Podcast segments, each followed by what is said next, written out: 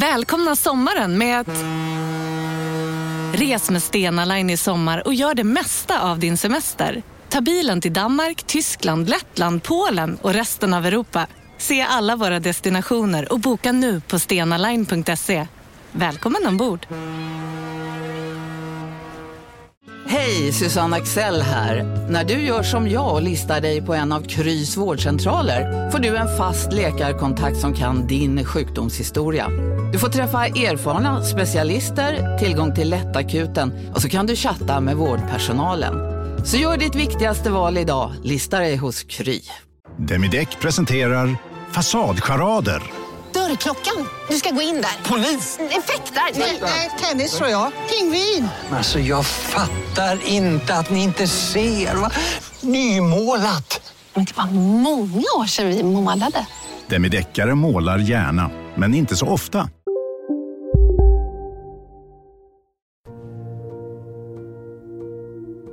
Jag fick liksom kalla kårar för jag tänkte att det kan inte vara sant. Efter månader av sökinsatser är det polismannen Denny Tano som till slut anträffar det misstänkta betongblocket. Det måste ju vara Madeleine, det kan inte vara någon annan liksom. För Björn Lindgren och utredarna innebär det äntligen något konkret att arbeta med. Man blir inte ingjuten själv så att det är ett brott som är begånget och någon vill ju göra allt för att dölja det brottet. Och efter att kriminaltekniker anträffat det virke som förmodas ha använts vid ingjutningen av Madeleines kropp hamnar återigen samboparet Lisa och Daniel i fokus. Det stämmer i färg, det har betong på sig, det är träådringar på dem. Alltså, det, sånt hittar man ju inte, men det gjorde vi. Det är väl liksom helt otroligt att det låg där faktiskt. Men den kanske viktigaste frågan är fortfarande obesvarad. Hur dog Madeleine och varför?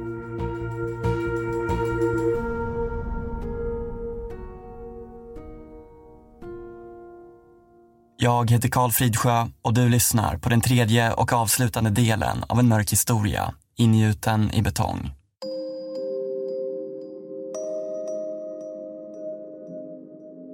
Det var hemskt. Det var en hemsk känsla. Och när jag hade samlat mig så det första jag gjorde var att ringa till polisen. Inte långt efter att Madeleine anträffas får utredningen ett genombrott.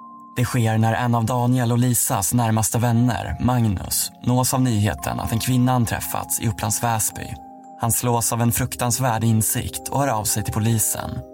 Vi hör honom berätta i tingsrätten.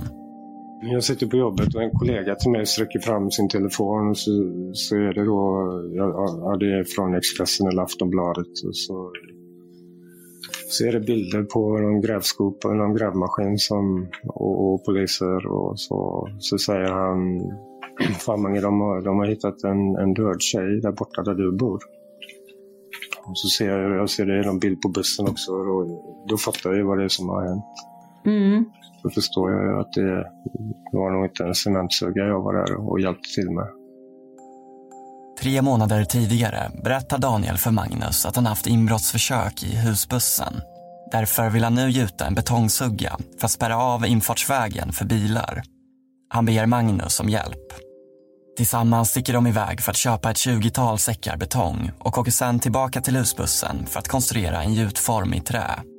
Det här inträffade tre dagar efter att Madeleine sågs för sista gången. Jag sa vid ett tillfälle så här. Den här eh, formen är lika lång som mig. Är det mig du ska lägga i den här? Och då får jag ett svar som... Uh, alltså jag sa ju det på ett skämtsamt vis. Mm. Då får jag som svar, ah, nej inte dig Mange.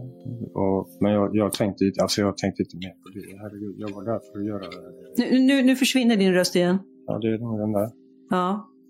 Jag, jag, jag tänkte inte mer på det. Alltså, för mig var det ett skämt. Jag, jag sa det på ett skämtsamt vis och, och jag uppfattade det som att han skämtsamt sa tillbaka. Mm. Men sen när man läser i tidningarna vad som verkligen har hänt så... Alltså... Magnus lämnar Daniel vid husbussen innan gjutningsarbetet börjar och ska senare undra hur det gick. Ja, jag frågade vid något tillfälle vad, vad han hade gjort av cementsuggen som han skulle gjuta och då nickade han upp mot skogspartiet där då. då.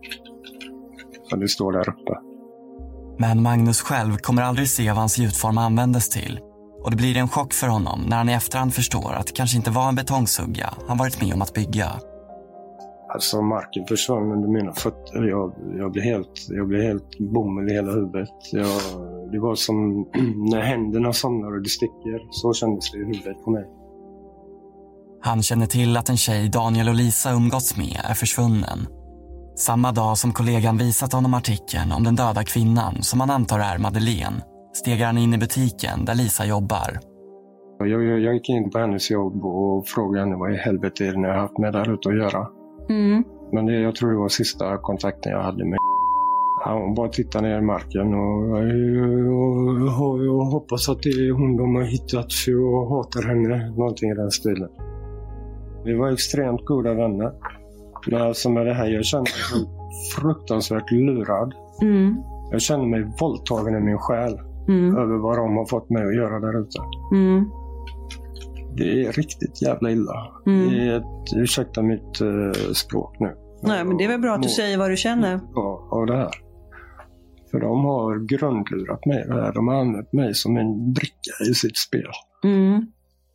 Jag vet... Synd om den här tjejens efterlevande så det finns inte där.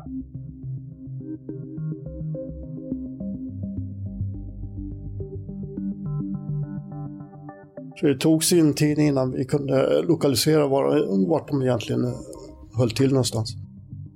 Tre veckor har passerat sedan Daniel skulle åka hem från sitt arbete på en kort lunchrast dagen efter att Enitano upptäckt betongsarkofagen. Sedan dess har varken hans arbetsgivare eller polisen sett till eller hört från honom. Men polisen har span på hans flickvän Lisa. Man kunde via hennes telefon följa bland annat till Vaxholm, har för mig att det var. Och därifrån där så kan man ta en färja över till, eh, så man kommer till Värmdö. Spaningsarbetet mot sambon har lett polisen till en villa ute vid vattnet på Värmdö.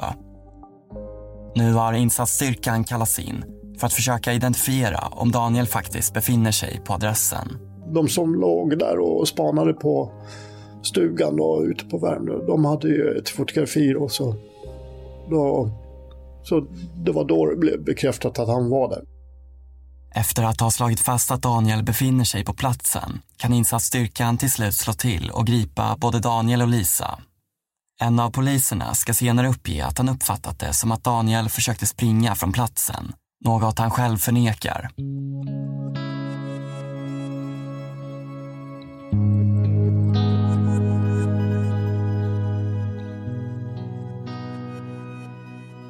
Hade hon inte råkat in i depressionen och varit med om allt det där, då tror jag aldrig det hade hänt. Faktiskt. Det är under 2013 som Madeleines mamma Susanne för första gången hört talas om dotterns nya vänner i Upplands Väsby. Först så var man väl lite avvaktande, så hon var ju ändå vuxen. Så man, men som man gör med sina barn så frågar man väl alltid liksom, Jaha, vad är det för en och, och så. Och från början så lät det ju mest som det bara var en kompis och de var så schyssta. Och det var ju, eller, hon blev vän först med hans tjej. Madeleine har hittat en annons på internetsajten Blocket där Daniel och Lisa lagt ut sina åtta veckor gamla valpar till försäljning. När hon ändå inte hade något jobb då och var hemma så tänkte hon så här att jag kan prova på hur det är att ha hund. Eh, och då hittade hon på Blocket en valp som hon kunde få på prov. Och det var ju deras valp. Så det var ju så de lärde känna varandra. Madeleine ska när provperioden är över bestämma sig för att lämna tillbaka valpen. Men hon fortsätter ändå ha kontakt med dess ägare. Till en början är det mest Lisa hon umgås med, men ganska snart ska Daniel få en allt större plats i hennes liv. Liksom drogerna. Vi hade lite olika åsikter om saker och ting och det var när det här kom, kom på tal om amfetamin. Hur, hur, var, hur det var eh, okej i, i vissa syn för, för att det används i läkemedel och så vidare. Madeleines bror Marcus minns de många möten som Madeleine ville ha med familjen under den här perioden. Där hon förklarade sin syn på att använda amfetamin som självmedicinering. Det var ett sätt för henne att hitta lugn och komma till bukt med de problem som hon upplevt ända sedan hon var liten. Eh, Medan vi, vi andra då tyckte att absolut, men då skulle det vara utskrivet av en läkare också. Så där hade vi lite diskussioner och det var väl då det egentligen kom på tal på så sätt. Liksom. Sen hade, tror jag inte riktigt man hade riktigt mm, koll på egentligen hur mycket det användes eh, Utan vi visste om att det var på något sätt med i agendan. Det gick väldigt, väldigt fort och jag vet inte hur man skulle ha, ha gjort. Jag ville bara att någon skulle ta tag i den och flytta, ta henne, flytta henne härifrån. Någon annanstans. Till de här människorna som hon inte kände. Så, eller till, ja.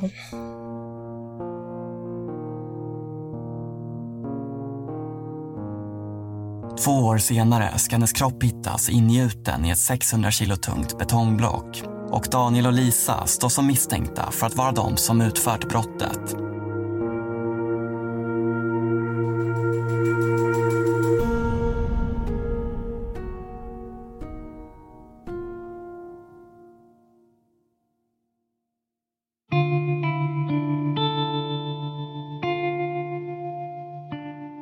Efter att Daniel i 20 dagar hållit sig undan har han och Lisa kunnat gripas.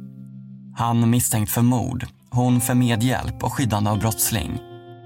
Och polisen ska i många förhör försöka få klarhet i vilken roll de spelat i Madeleines död. Vi hör Lisa i tingsrätten. Alltså jag tyckte jättemycket om henne från början. Den tjejen som vi träffade när hon kom med sina valpar, eller alltså när hon skulle kolla på valparna. Hon var alltså jättegullig och det var därför vi fastnade. Det var därför vi började umgås med henne sen. Lisa fattade direkt tycke för Madeleine när hon kom hem till dem den där vårdagen för att titta på valpen. Det är de två som först blir vänner och umgås mest. Men ganska snart ska Daniel få sin egen relation med Madeleine.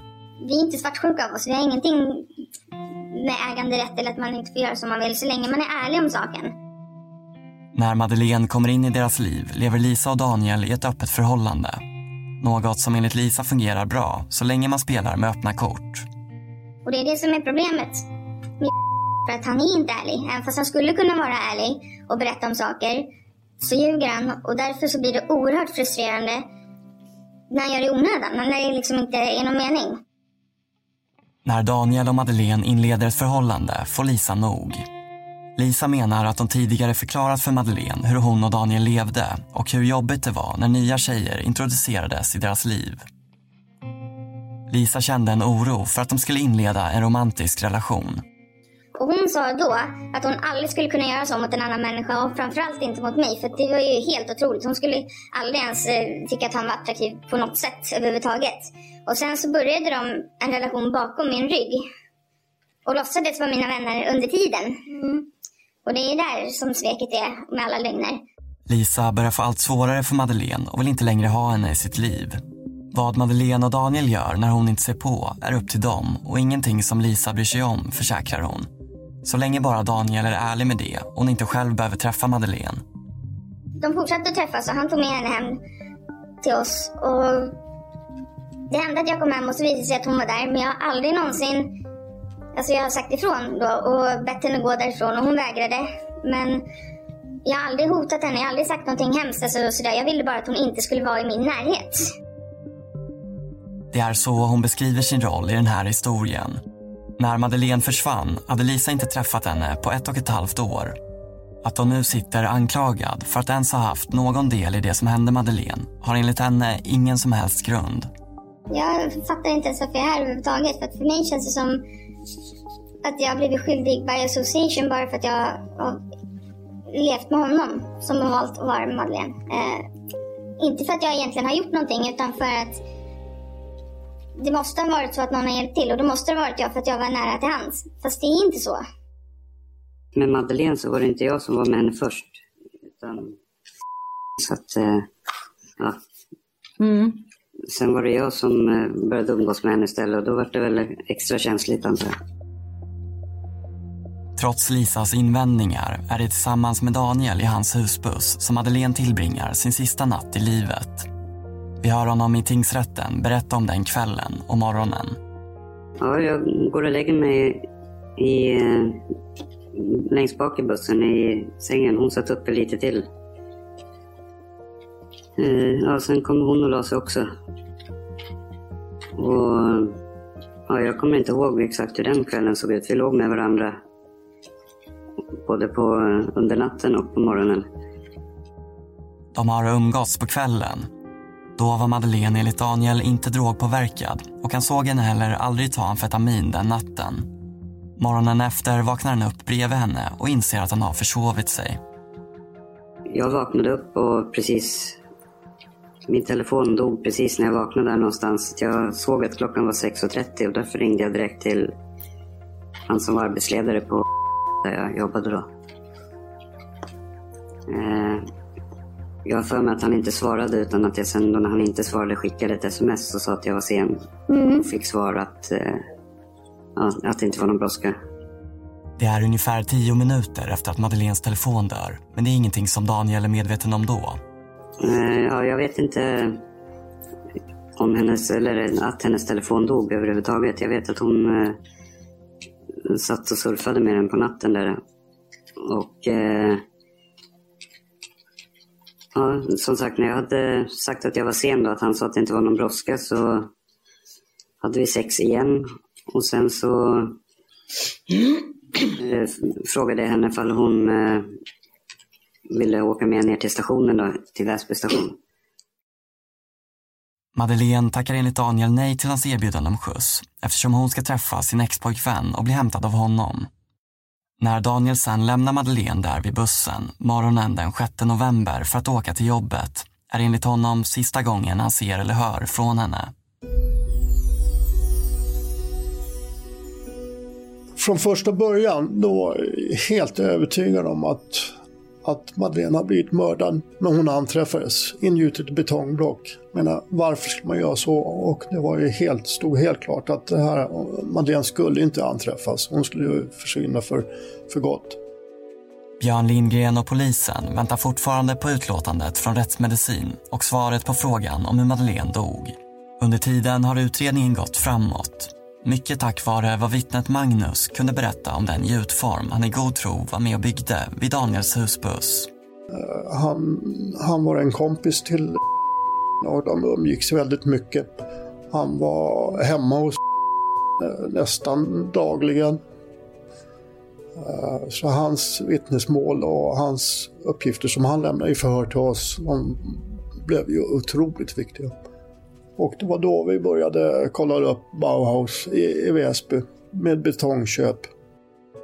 Daniel ska i förhör bekräfta det vittnet berättar för polisen. Att han den 9 november, strax innan klockan åtta på kvällen, tillsammans med Daniel handlade ett flertal säckar betong. Men där hittade vi aldrig något kvitto. Eh, och det här köpet var fem minuter innan de stängde. Så jag tror att det var vart ett svartköp. Alltså det, de erbjöd den anställde svarta pengar så, ut, eller, utan kvitto. För att vi, de fick gå igenom, den här säkerhetsansvarig på Bauhaus fick gå igenom det. Tre, tre gånger gick han igenom Vi hittade aldrig köpet. Medan de andra köpen hittade vi. De andra inköpen, som polisen hittat kvitton på, innefattar bland annat ett som Lisa gör nästkommande dag. De köper murarhinkar och ytterligare 15 säckar betong. Enligt Daniel och Lisa är deras inköp dagarna efter att Madeleine försvinner bara tillfälligheter.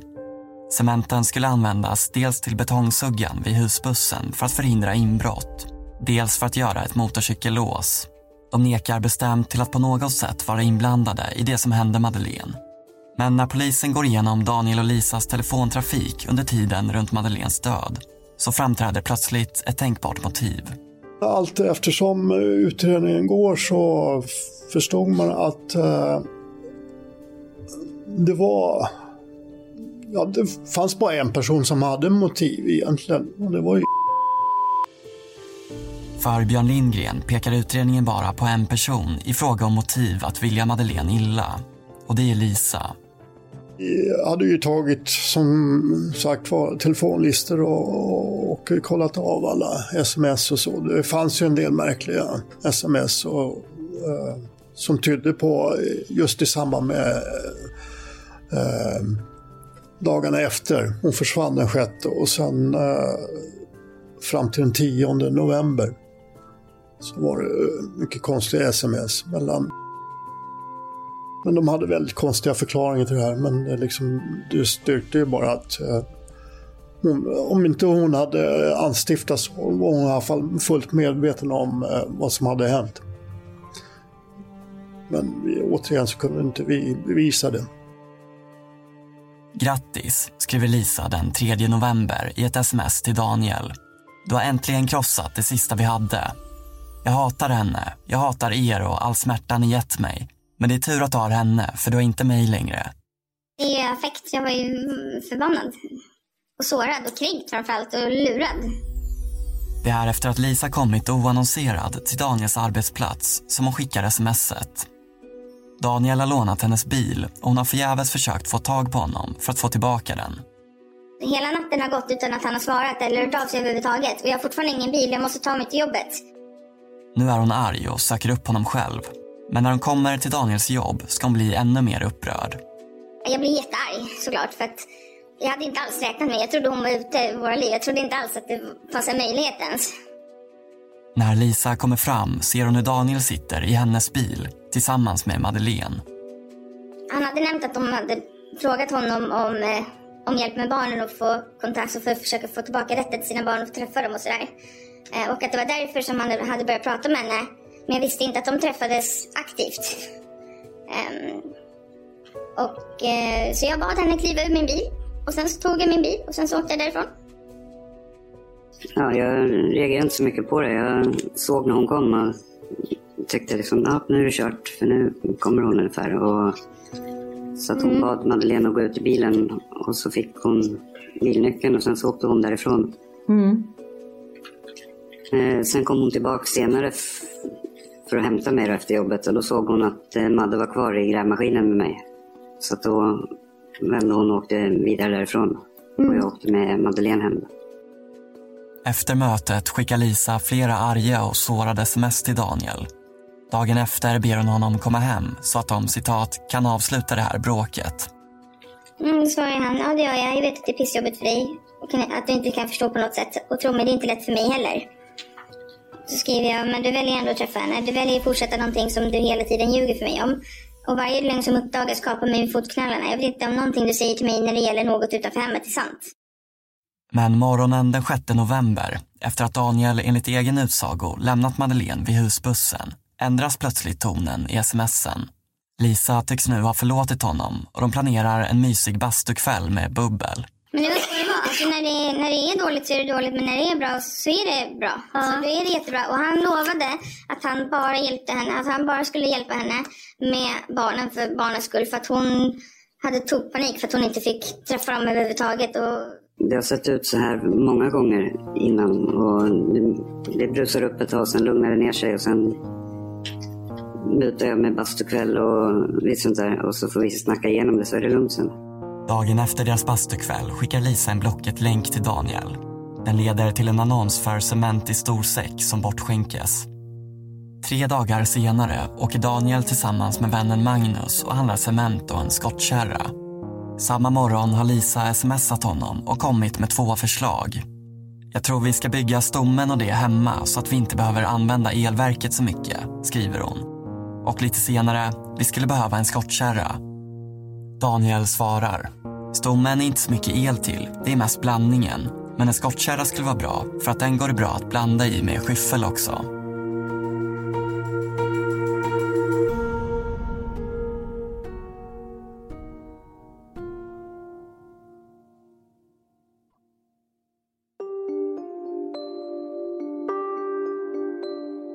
Ja, jag tror ju då, där och då att det finns nog ganska goda förhoppningar i och med att det äh, ligger betongen eller ingjuten sådär, att det ska finnas någonting kvar i betongen.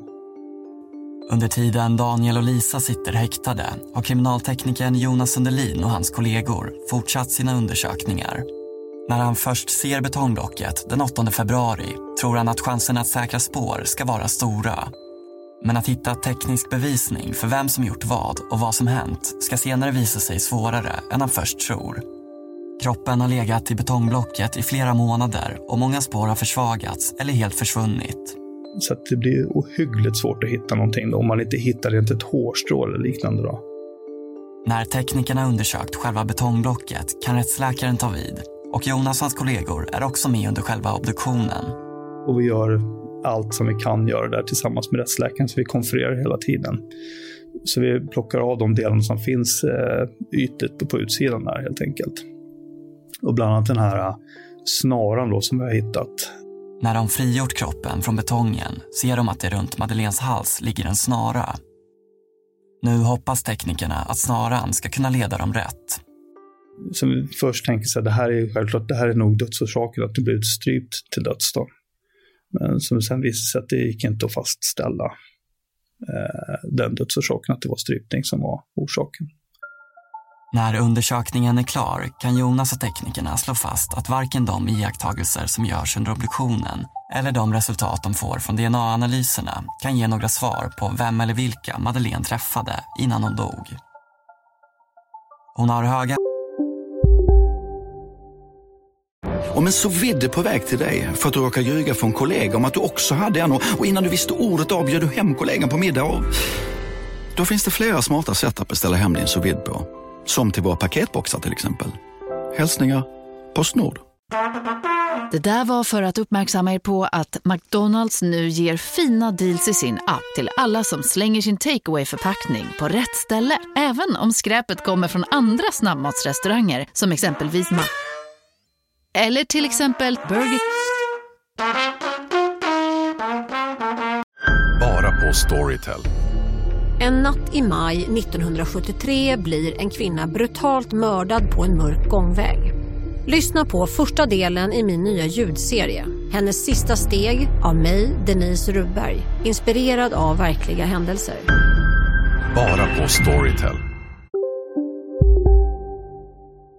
Halter amfetamin i blodet och en snara runt halsen. Men hur hon dog går inte heller att svara på. Uh, I och med att kan man inte fastställa dödsorsaken så kan man heller inte fastställa om hon har bragts om livet. Det blir som ett moment 22 då. Först måste man veta hur hon dött och sen får man ta det som dödsorsak i en bit, sen har du dödssätt i en annan bit. Då. Så de två hänger ihop. Så att det gick ju inte. Och om, om kroppen hade hittats efter tre veckor istället för tre månader, Mm. som i det här fallet, vad hade Mm. det gjort för skillnad? Oj. Ja, det vågar jag inte spekulera alltså, Möjligtvis att de här, som du säger, de aktivitetsspåren, alltså själva det här eh, som säger, snaran som satt runt halsen, det kanske, man kanske kan ha sett någon form av blödningar i halsregionen då, eller någonting, att den har varit hjälpt till och orsakat, eller någonting i andningsapparaten på insidan, att den, att där hade man kanske kunnat sett att, att eh, det var en kvävningsdöd. Då. Men det vet jag inte, det är, bara spekulationer. Ja, jag förstår. Men jag tänker utifrån din erfarenhet. Ja, jo, men precis. Ja, men det, då är det den typen av typiska kvävningsskador som man hittar vid, på offer efter en, eh, någon form av knävningsstrypning. Det hade man kanske kunnat se då. Och det hade då hjälpt att kunna... Fastställa döden, ja.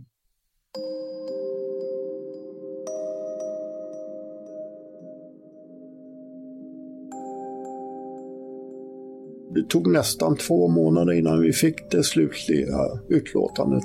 Och eh, det visar ju på att eh, de kunde inte direkt påvisa den, eh, eller den direkta dödsorsaken. De kunde säga att det var en kombination med extremt hög eh, amfetaminhalt i hjärtblodet. Och det tillsammans med minskad syretillförsel då, eh, kan ha orsakat döden. Efter att kroppen anträffats verkade det som att utredarna rörde sig närmare och närmare sanningen om vad som hänt Madeleine morgonen den 6 november. Men det slutgiltiga utlåtandet från rättsläkarna är inte vad Björn Lindgren och kollegorna hoppats på. Det styrker inte deras teori att Madeleine blivit mördad. Samtidigt som det framstår som osannolikt att dödsfallet skulle varit självförvållat. Det är så gott som omöjligt att ta en överdos av amfetamin. Så vi var nog mera inne på att det här var nog, kunde ha varit eh, fultjack eh, som hade blandat dit eller om hade ett finger med i spelet. Det, det vet vi inte men eh, att hon själv skulle ha tagit en överdos, det är i princip omöjligt. Men ni kunde utesluta att den här snaran inte hade använts? Ja, inte, inte som en strypning i, det, i den bemärkelsen. Men det, det finns möjlighet också att uh, med hjälp av en kudde och minska syretillförseln på uh, vad man kallar för mjuk strypning. Då. Och det i kombination med den här höga amfetaminhalten kan mycket väl ha varit det som orsakade hennes död. Men det är ju som, man kan ju inte säga med säkerhet. I månader har Björn Lindgren och polisens utredare försökt ta reda på hur Madeleine dog och varför. Det är tråkigt att man inte har fått alla de svaren som man kanske skulle velat haft. Då. Eh, varför hamnade hon i betongen? Liksom? Det är en sak. Man kan ju ha massa teorier om det, men det behåller jag för mig själv. Eh, och sen, eh, hur dog hon? Jonas Sundelin lämnar ifrån sig ett ärende där många frågor förblir obesvarade. Varför behövde de dö? Liksom det är de, frågorna som, som man inte får svar på. Och det förstår jag att de anhöriga lider av också. Och det, förr eller senare kanske, men någon säger någonting, men det, det, det rent kriminaltekniska biten där, det är svårt då. Det går inte att komma så mycket längre tyvärr. Nej. Och jag vet inte vad vi ska ha gjort annorlunda heller faktiskt. Jag tyckte det kändes som att vi vände på varandra sten. Eh, faktiskt, det ärendet. Den person som polisen nu sätter sitt hopp till är Daniel. Han var den sista som såg Madeleine vid liv och har pressats i flera förhör. Men han står fast vid att han inte har någonting att göra med vare sig Madeleines död eller ingjutningen av hennes kropp. Vi gav honom många tillfällen att berätta liksom, det, om det var en olyckshändelse. Men vi fick inga svar och eh, för de anhörigas skull så hade jag ju önskat att han kunde berätta. Om inte kanske i polisförhör, att han kunde berätta under domstolsförhandling.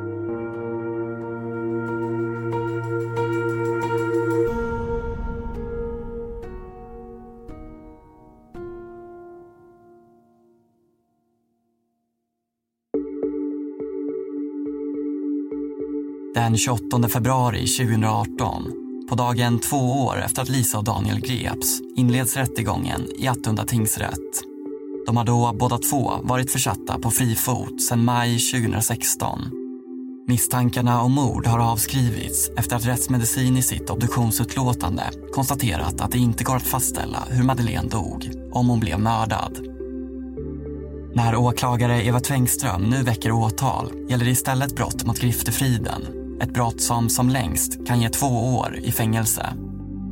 Har du letat i det här området eh, kring bussen efter Madeleine? Vi hör åklagare Eva Tengström fråga ut Daniel i tingsrätten. Letat har jag väl inte gjort, men jag har varit i området. Vart efter tiden gick så började man väl hålla koll för att man antar saker. Men eh, jag kan inte säga att jag aktivt har letat runt bussen. Ja, Har du letat där, där det här bet- betongblocket sedermera hittades? Ja, jag har gått med hundarna där och kollat bara, men jag har inte letat. Mm. Har du sett det där betongblocket? People och leta och sånt. Alltså, utan Förlåt, jag har jag gick inte med Missing People och sånt och leta Nej. aktivt så. Men eh, ja, jag har ju gått där med hundarna fram och tillbaka och liksom inte sett någonting. Mm, har du sett det där betongblocket då? Nej, Skulle du ha sett det tror du? Jag vet inte. Jag borde ha gjort det, men det är svårt att säga. Daniel, som bestämt hävdar sin oskuld, tror att betongsarkofagen, som enligt teknikerna göts direkt på platsen där den återfanns, inte kan ha funnits vid husbussen särskilt lång tid innan den upptäcktes av Denitano i början av februari. Ja, jag ifrågasätter det för att jag inte... Jag har inte lagt märke till det och ingen annan har lagt märke till det som har varit där och kollat. Därför så tyckte jag att det verkar märkligt om det Mm. skulle ha legat där hela tiden. Och när tänker du att det skulle ha kommit dit då? Eh, efter att du flyttade bussen eller? Ja, förmodligen efter att Missing People kanske har varit där och gått och letat. Mm. Nu letar ju de kropp och inte ett betongblock i och för sig. Ja, men å andra sidan så en person kliver rakt ut 50 meter i skogen och hittar den direkt. Så varför skulle inte någon av de andra 150 som var där någon vecka innan ha lagt märke till det? Åklagaren placerar tidpunkten för när Madeleines kropp hamnade i betongsarkofagen till någonstans mellan den 6 och 24 november. Från det att Madeleines mobil dör, för att aldrig hittas igen, till dess att Mats och Lars-Görans likhundar markerar vid blocket. Tiden däremellan inhandlar både Daniel och Lisa stora mängder betong. Redan dagen efter att Madeleine försvinner skickar Lisa Blocket annonsen om betong som bortskänkes till Daniel. Men jag tänker just varför, varför kom den där länken precis den 7 november? För att personen som skänkte bort den la ut den då antagligen. Det, hon brukar skicka bort skänkesannonser till mig två, tre gånger i veckan. Ja, ja. okej, men det, det är ju en sak. Men sen verkar det som att ni de facto behöver betong precis vid det här tillfället eftersom det sen blir inköp. Ja, eftersom att eh, jag hade tänkt att gjuta vid bussen så. Och vad är det du tänker gjuta vid bussen då? Berätta om det. Jag hade tänkt att gjuta en, eh, ett stopp så att det inte gick att köra från Stock, eller, ut på E4, alltså från Stockholmsvägen hållet på, på den vägen som bussen stod om man säger. Mm, och hur långt sån här eh, betonggrejs måste du ha då för att stoppa trafiken där? Ja, för att inte kunna köra med en bil så jag har den nästan två meter typ. Skulle det räcka tycker du? Ja, Men trots att Daniel enligt vittnet Magnus pekat ut var den står i skogen så blir det aldrig någon betongsugga. Daniel påstår visserligen att han försöker gjuta den vid ett tillfälle, kort efter att han tagit hjälp av vännen för att bygga trästommen, men att han då misslyckas. Det är för kallt ute, vilket gör att betongen bara flyter ut ur formen. Under tiden har han andra lösningar på hur han ska kunna freda sig mot fler inbrott. Det var ju någon liten gömma precis på ena sidan av bussen också, en liten koja. Var det någonting som du visste något om? ja det var ett vindskydd och det har jag varit med och byggt.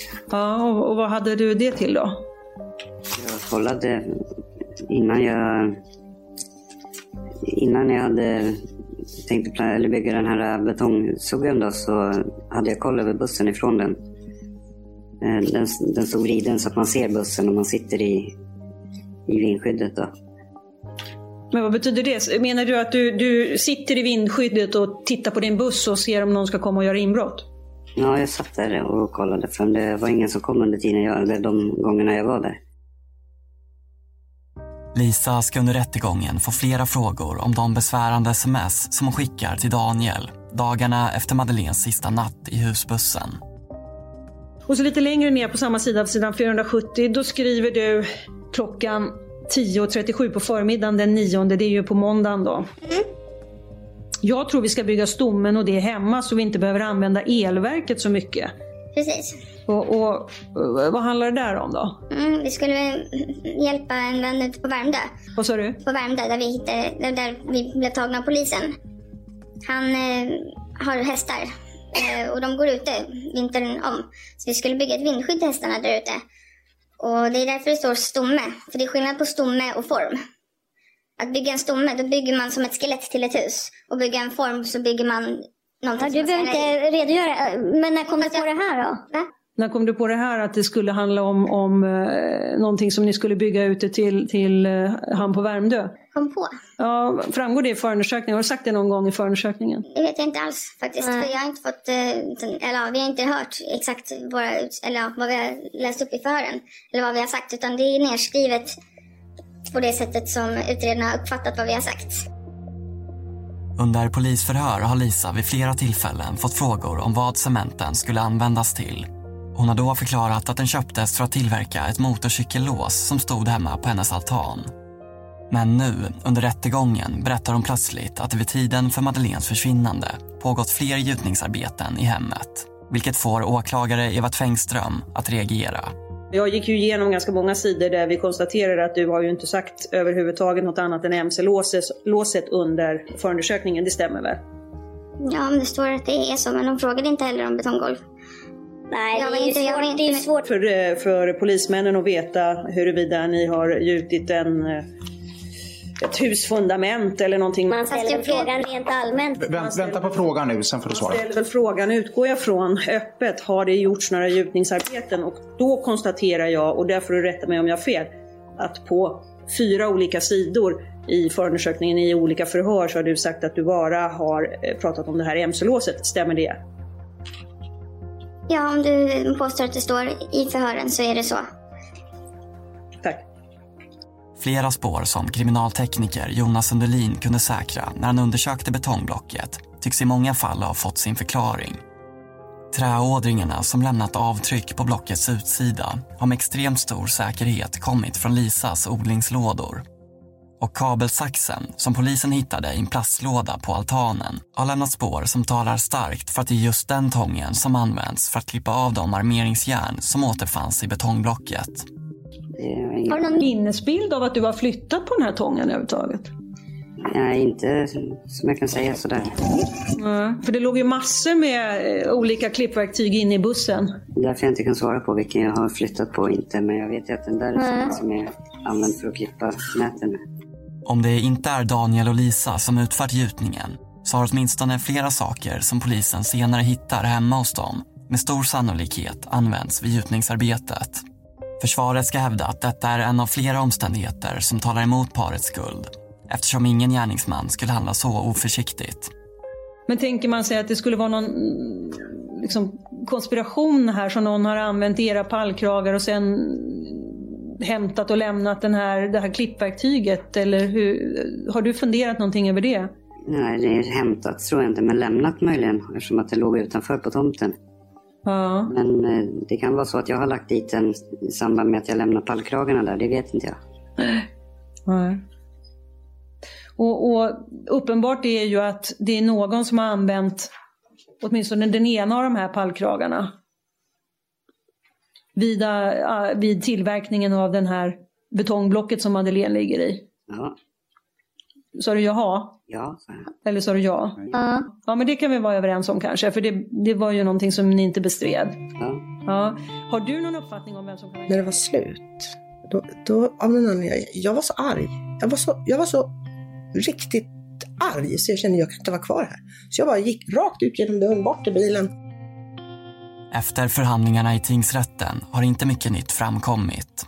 Fortfarande finns inget svar på hur Madeleine dog och de två personer som står åtalade för att ha gjutit in hennes kropp i en betongsarkofag har konsekvent nekat till att ha något med brottet att göra. Alltså det var så absurt alltihopa. Man skulle gå omkring där i pauserna utanför med, med dem och stå vid kaffemaskinen. Alltså det var så... Nej. Usch. Jag har aldrig upplevt det igen. Någonsin.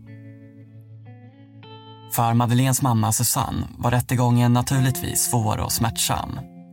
Att tvingas förhålla sig till paret, se dem i korridorerna och under lunchpauserna gjorde henne förbannad. Det gav henne känslan av att det inte riktigt togs på allvar. Efter tre dagar av förhandlingar återstår bara att vänta på domen. Jag hade inte det. Jag var nog väldigt negativ inställd tror jag. Jag hade inga förhoppningar alls faktiskt.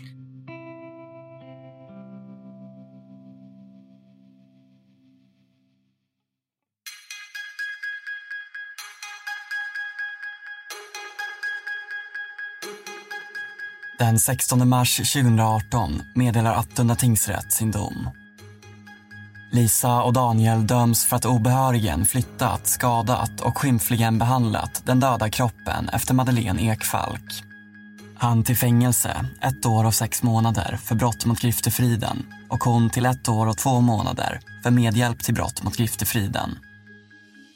Tingsrätten kommer i domen fram till att det är mycket svårt att ens teoretiskt föreställa sig scenarion i vilka Daniel inte skulle vara gärningsman. Vad gäller Lisa slår tingsrätten fast att hennes avsaknad av konsekventa och rimliga förklaringar till de graverande smsen med styrka talar för att hon var mycket väl medveten om vad cementen skulle användas till.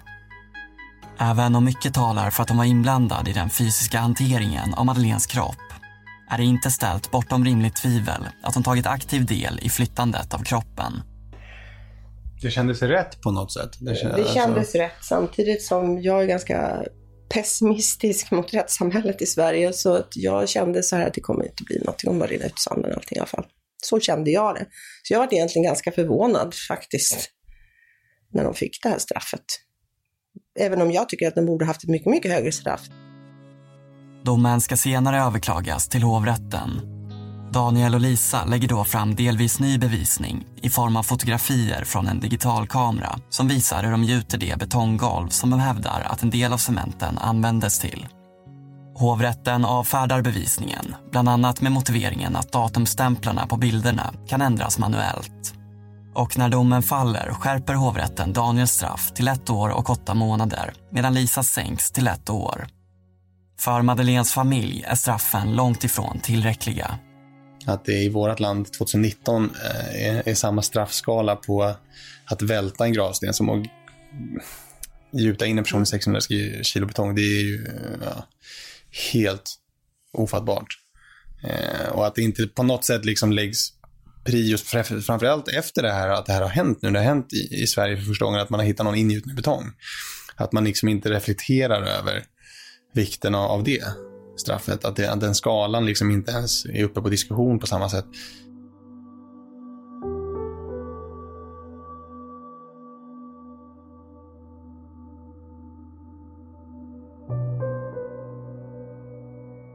Både tingsrätt och hovrätt har slagit fast att det är ställt bortom rimligt tvivel att det är Daniel och Lisa som gjutit in Madeleines kropp i betongblocket. Båda hävdar att de är oskyldigt dömda och att de därför inte kan berätta någonting om hur det har gått till. Familjen lämnas med egna spekulationer och ett svagt hopp om att sanningen en dag ska komma fram. Det är lite därför jag också tycker att det på något sätt kanske var bra att vi lämnade mordåtalet öppet. Eh, för jag vill på något sätt för Madeleines skull att det ska jag vill att sanningen ska komma fram förr eller senare och jag, jag vill tro att den ska göra det också, även om jag inte känner det jättestarkt idag. Jag känner som att jag har inga känslor längre på något sätt. Jag är varken glad eller ledsen, jag är bara så här. Så känns det. Ungefär. Det är en sån tunn linje på att det går den vägen än att det går den vägen. Hade allting blivit rätt för Madeleine, då tror jag hon hade faktiskt gjort något ganska storartat egentligen eller hjälpt väldigt många människor. Men det är väldigt sorgligt att det inte blev så. Det är ju en jättestor person som saknas. Eh, och det märker vi av. För Madeleine hördes och syntes väldigt mycket. Så det är ett väldigt stort, stort tomrum, visst är det så. Eh, det, det vi, vi får ju... Nu träffade vi hennes barn när Madeleine var i livet också, men eh, det är, vad ska man säga, extra kul att träffa dem idag, för man ser Madeleine i dem. Mm. Så det, det, man har en del av henne kvar. Det är jättebra faktiskt. Det. Jag brukar gå in på hennes, den finns ju fortfarande kvar, hennes gamla blogg. Som heter Madeleine 1986. Blogg.se. Blogg.se eller något sånt, ja precis. Och där är ju Madeleine. Det är ju liksom så som hon var. Mm. Mm. Hur är det att, läsa den nu?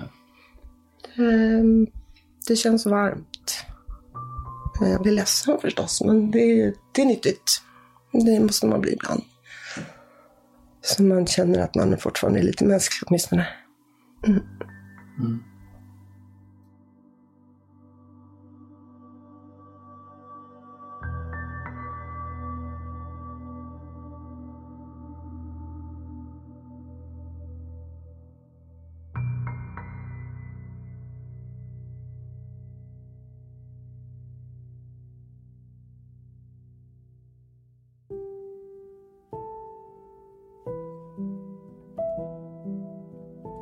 Du har lyssnat på den tredje och sista delen av En mörk historia, ingjuten i betong. Programmet produceras av Joel Silberstein Hont och av mig, Karl Fridsjö. Följ gärna länkarna i avsnittsbeskrivningen till våra sociala medier för mer information om kommande avsnitt. Du kan också stödja vårt arbete genom en donation på 29 kronor i månaden via Acast-appen. Som tack får du förtur till nya avsnittsserier och lyssnar utan reklam. Tack för att du har lyssnat.